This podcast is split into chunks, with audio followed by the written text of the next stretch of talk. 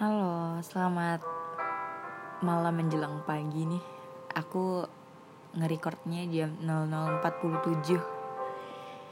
Masih malam ya. Hmm, aduh, aku sebenarnya gugup banget nih karena ini bener-bener rekaman pertama aku. um, untuk pertama aku belum mau cerita tentang tema jatuh dan cinta ya. Ini karena aku lagi bener-bener rindu sahabat jadi aku akan cerita tentang sahabat dulu deh untuk yang pertama kali. Lantas yang mau aku ceritain adalah sahabat-sahabat aku waktu SMA jadi waktu SMA dulu aku bener-bener banyak banget sahabat itu di sekolah dulu. Aku punya tiga geng saking banyaknya sahabat aku ya. Terbagi menjadi tiga geng. Geng pertama itu Pawada geng kedua itu Istiqomah dan geng ketiga itu Johits. Dari nama-namanya kalian harus tahu dong. Pawada ini geng aku di kelas kelas 1 dan 2 kalau Istiqomah itu geng aku yang isinya campuran-campuran dari seluruh kelas. Nggak seluruh sih ada beberapa aja gitu. Dan yang terakhir itu geng Johits. Oke, dari namanya aja udah bener-bener aduh Johits gitu. Ya Johits itu singkatan dari jomblo ngehits. Pada saat itu bener-bener Johits ini geng yang paling aduh rusuh deh pokoknya rusuh banget gitu. Siapa sih yang nggak tahu Johits pada masa kita gitu? Tahu semua insya Allah ya. Dan yang pertama mau aku ceritain tentang geng Pawada aja deh. Karena geng Pawada ini geng kelas gitu jadi aku itu kelasnya nggak dirubah. Kelas 1 dan kelas 2 SMA itu barengan nggak diacak kelasnya. Jadi terbentuklah suatu geng gitu yang berisikan aku Fatin Nurul Nisha Emi Kamila Ayu sama Uli. Jadi kita itu berdelapan. Dan di kelas itu emang kita tuh bener-bener selayaknya geng gitu. Ke mana-mananya bareng, ke kantin bareng, ke WC aja pun bareng, ganti baju bareng gitu. Dan bener-bener kangen banget gitu waktu kumpul bareng mereka di kelas gitu bener-bener kita berdelapan itu yang ngerusuhin lah kelas itu dan juga kalau ada masalah di kelas itu antara si A dan si B kayak kita yang bilang ayolah sini kita rapatin ada masalah apa gitu. Terus akhirnya kita rapat gitu. Kangen banget banget banget banget kebersamaan waktu di kelas itu. Dan singkat cerita waktu kelas 2 akhir kita tuh bener-bener diuji banget persahabatan itu karena ketika kenaikan kelas itu ternyata kelas kami di rolling. Dan sahabat-sahabat itu nggak lagi jadi satu kelas gitu. Nggak jadi geng lagi yang pawadda. Oh ya sejauh ini aku belum ngasih tahu ya pawada itu apa. Jadi pawada itu singkatan dari pasukan wanita penggoda. Tapi dalam-dalamnya itu bener-bener kebanyakan wanita-wanita alim ya nggak yang sablak-sablak gitu enggak cuman emang namanya aja diiseng-isengin gitu biar kayak nakal gitu kan biar kayak orang takut gitu padahal isinya bener-bener banyak yang alim gitu contohnya aja kayak Emmy Uli, Ayu itu bener-bener ya yang kalem gitu. Yang lainnya ya kalian bisa mengira sendiri lah ya. Jadi yang bener-bener dikangenin di gang di geng Pawada ini aku dan temen-temen tuh bener-bener punya banyak memori indah banget selama 2 tahun. Dan kalau dibilang foto-foto kami tuh udah bener-bener banyak. Kayak kami yang ngadain perkumpulan apa pun itu di kelas yang bener-bener menghidupkan suasana kelas gitu dan sebenarnya Pawada ini sampai sekarang masih ada. Hanya saja mungkin telah vakum atau berhenti gitu ya. Udah kalau udah ngebahas tentang vakum aku agak sedih nih. Karena uh, kita bisa dibilang udah bubar gitu. Kemungkinan buat kumpul lagi sekarang itu mungkin cuma berapa persen deh gitu. Mungkin 30% dari 100% karena emang ada masalah internal di antara kami. Problem yang menurut aku sensitivitasnya tuh tinggi banget gitu. Tentang cowok. Tentang perasaan gitu-gitu. Tapi buat keseluruhan kalau aku pribadi sama member Pawada nggak ada masalah gitu ya. Karena aku kayak orangnya juga yang ngalur aja gitu. Cuman emang sekarang Pawada ini kebagi jadi dua gitu yang pertama itu aku Nurul Nisha Fatin. Dan yang satunya Emi Kamila Ayu sama Uli. Tapi ya udahlah gitu. Walaupun udah kepisah jadi dua belah pihak aku nggak bakal pernah ngelupain tentang geng Pawada ini. Karena besarnya aku selama 2 tahun itu ya bareng mereka gitu. Dan semoga kalian yang mendengar mengaminkan doa aku ini. Aku berharap banget Pawada bisa kumpul lagi gitu. Bisa bener-bener nostalgia dan bener-bener flashback tentang oh dulu tuh sedekat itu kita sedekat nadi. Makan aja satu piring, minum satu gelas gitu. Bener-bener kangen deh. Dan semoga member Pawada mendengar ini ya. Amin deh. Next aja dia langsung ya ke geng kedua. Karena kalau cerita Pawada sedih. Karena Pawada bubar guys. geng kedua itu istiqomah. jadi geng kedua ini bener-bener kayak geng yang istiqomah lah ya gitu.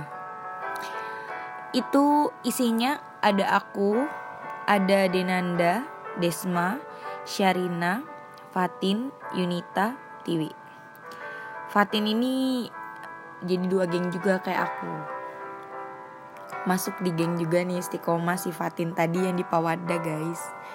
Jadi geng istiqomah ini ya bener-bener masih istiqomah sampai sekarang. Emang udah jarang kumpul tapi kami tetap gitu kan ada apa ya hubungan lah gitu intinya nggak bubar karena memang nggak ada problem di antara kita orang gitu kan.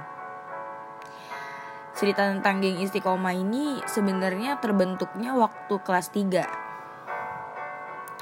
karena waktu itu uh, aku sekelas sama Denanda gitu. Dan yang lainnya itu anak pramuka semua sebenarnya dari Denanda, Desma, Syarina, Fatin, Yunita, Tiwi. Itu mereka anak pramuka cuman karena Denanda duduknya sama aku di kelas deketnya sama aku jadi aku kayak masuk gitu ke rombongan mereka. Dan aku sering kumpul bareng kayak kumpul kumpul kumpul jadi ada motivasi buat wih kita nih satu geng kita buat grup aja gitu.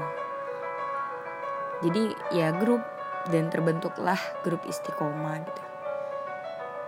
Lucunya lagi sama geng istiqomah ini bener-bener dapetnya itu waktu pas kelas 3 ya kayak nongki bareng gitu. Kumpul bareng. Di kelas 3 itu bukannya malah menjadi anak yang rajin buat belajar tapi sama geng istiqomah nih kayak gibah gibah gibah belajar gitu. Gibahnya tiga kali belajarnya sekali. Tapi seru sih sama mereka. Dari namanya aja kalian pasti tahu dong. Istiqomah tuh bener-bener geng yang bukan geng abal-abal tapi nggak menutup kemungkinan juga geng istiqomah ini tuh geng yang bener-bener sekali tuh benernya bukan gitu. Maksudnya bukan bener-bener geng yang alim tuh bukan ada nakalnya gitu. Tapi nggak sebanyak geng pawada mungkin.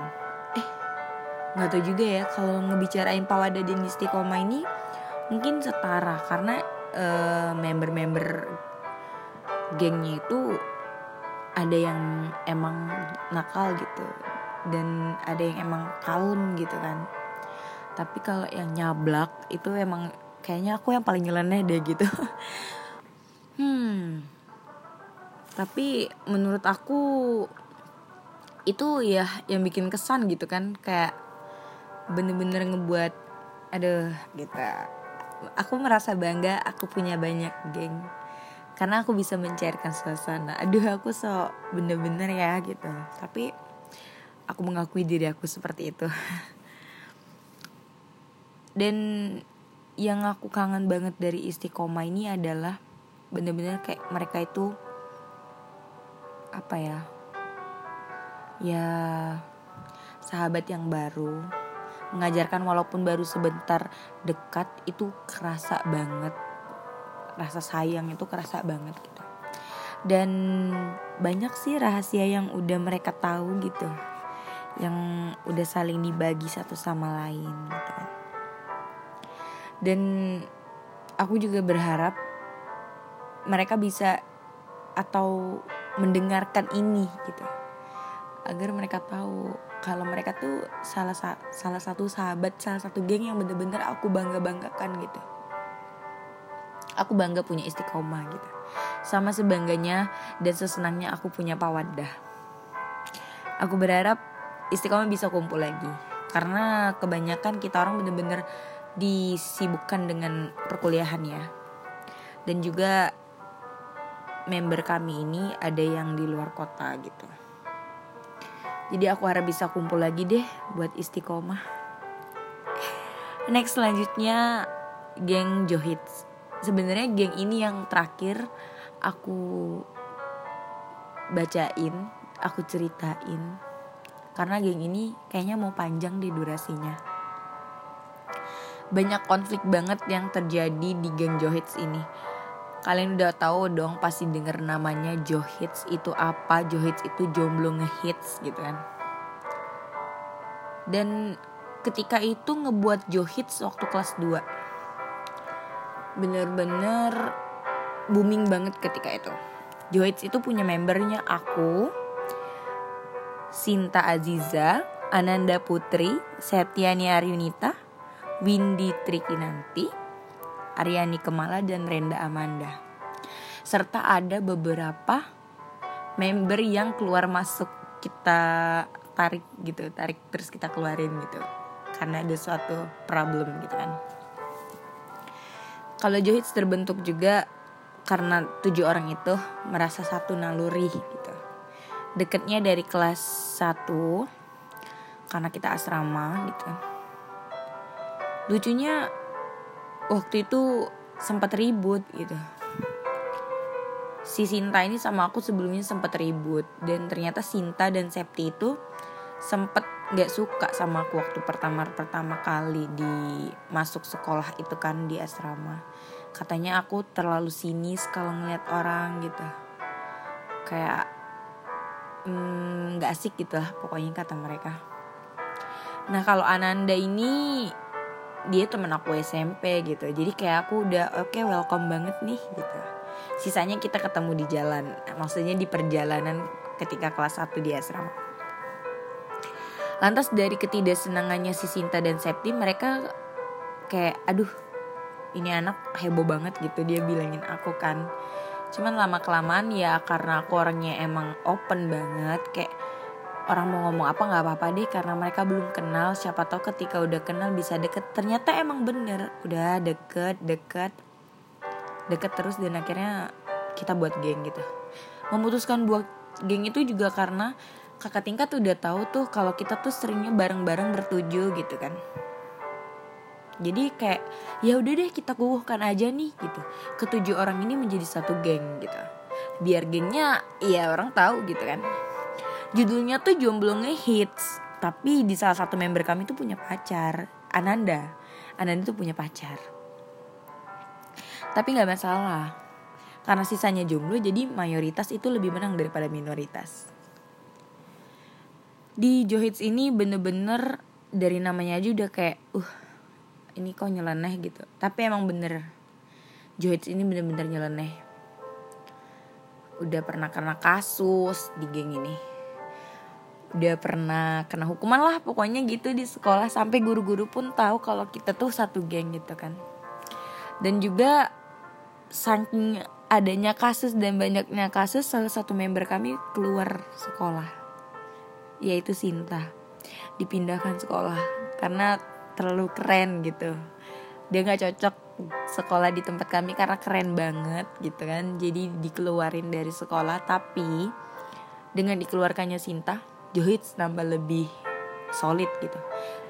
Tidak membuang Sinta namun tetap bersama gitu. Bukan berarti tandanya pindah sekolah itu harus out dari geng tuh tidak. Kita masih tetap ngerangkul nih teman-teman yang lain. Dan sampai sekarang Johits ini bener-bener masih bareng gitu ya. Sampai sekarang. Dan grup di WhatsApp pun masih sering bunyi banget Johits ini. Kalau sekarang Johits bukan lagi Johits. Namanya cukup aneh guys. Ini bukan toksis ya tapi namanya emang gitu dari dari awal buat WhatsApp nama geng Johits ini sekarang udah jadi rubah jadi ke silikon kendor. Nggak aneh-aneh sih namanya cuman aneh lah gitu kalau kalian denger. Cuman walaupun aneh ya kita tetap bisa kumpul. Di antara member kami ini banyak yang di luar kota gitu. Dua orang di luar kota si Renda dan Windy di luar kota Windy di Bengkulu Renda di Lampung gitu. Tapi kalau mereka ke Palembang aduh nyebutin kota aku nih. Kalau mereka ke Palembang kita orang tetap bisa kumpul gitu. Mengusahakan diri untuk kumpul. Dan yang di Palembang juga mengusahakan diri tetap kumpul sesama yang di Palembang. Cuman Johits ini bener-bener sensitif banget dari dulu. Member-membernya banyak pencemburuan. Kalau yang si A nggak kumpul dibilang ih mainnya sama itu orang aja lupa sama kita gitu padahal nggak gitu. Apalagi kalau aku kalau aku udah ke geng-geng aku yang lain tuh kayak mereka pada bilang oh gitu lupain aja kita orang nggak usah lagi noleh-noleh gitu bahasnya gitulah kurang lebih. Cuman nggak masalah. Yang namanya sahabat gitu kan. George ini emang bener-bener ngehits banget pada masanya. Kakak tingkat aja sampai kenal semua. Dan ada tingkat juga kenal gitu. Dan aku bangga banget punya Johits ini gitu walaupun geng yang banyak kasus gitu sahabat-sahabat yang banyak kasus tapi no problem kalau nggak ada kasus nggak indah dong masa-masa sekolah aku aku juga berharap solidaritasnya Johits bener-bener masih terjaga sampai sekarang dan seterusnya bener-bener masih bisa kumpul sekarang dan seterusnya. Bukan hanya sekarang, tapi di masa depan juga tetap kompak ya. Aku berharap juga member Joyce mendengarkan podcast aku ini gitu. Mendengarkan suara hati aku ini gitu. Bener-bener kangen sama mereka gitu. Kalau mengupas mereka secara satu-satu itu nggak ada habisnya gitu. menceritakan tentang semuanya itu nggak ada habisnya. Tapi boleh deh nanti kapan-kapan aku ceritain per geng per podcast gitu biar mereka bener-bener ngerasa paling so sweet di situ kan oh iya menceritakan satu geng lagi nih. Jadi aku punya geng. Isinya tuh semuanya cowok semua dan aku bener-bener ladies only. One and only. Aku bener-bener cuma satu perempuan di situ. Aku sampai lupa nama member-membernya gitu. Kebanyakan ya bukan lupa sebenarnya. Kalau disebutin semua bingung juga nanti kalian. Nggak tahu juga gitu intinya itu lebih dari 20 cowok. Dan aku bener-bener one and only cewek di grup itu. Sampai aku pernah buat bikin baju futsal. Nama punggungnya Mami Nisa. Nomor punggungnya bagus dibuatin mereka 69 kalian semua pasti tahu dong 69 itu apa. 69 menurut aku ya itu angka bagus lah angka bagusnya cowok gitu kan pasti 69 semua cowok tahu dong angka apa gitu. Dan nama grup itu Bujang Kos. Aku bener-bener seneng banget gitu waktu masuk di dalam bujang kos itu. Masuk di dalam grup seakan-akan kayak aku bener-bener diistimewakan dengan beberapa laki-laki gitu kan.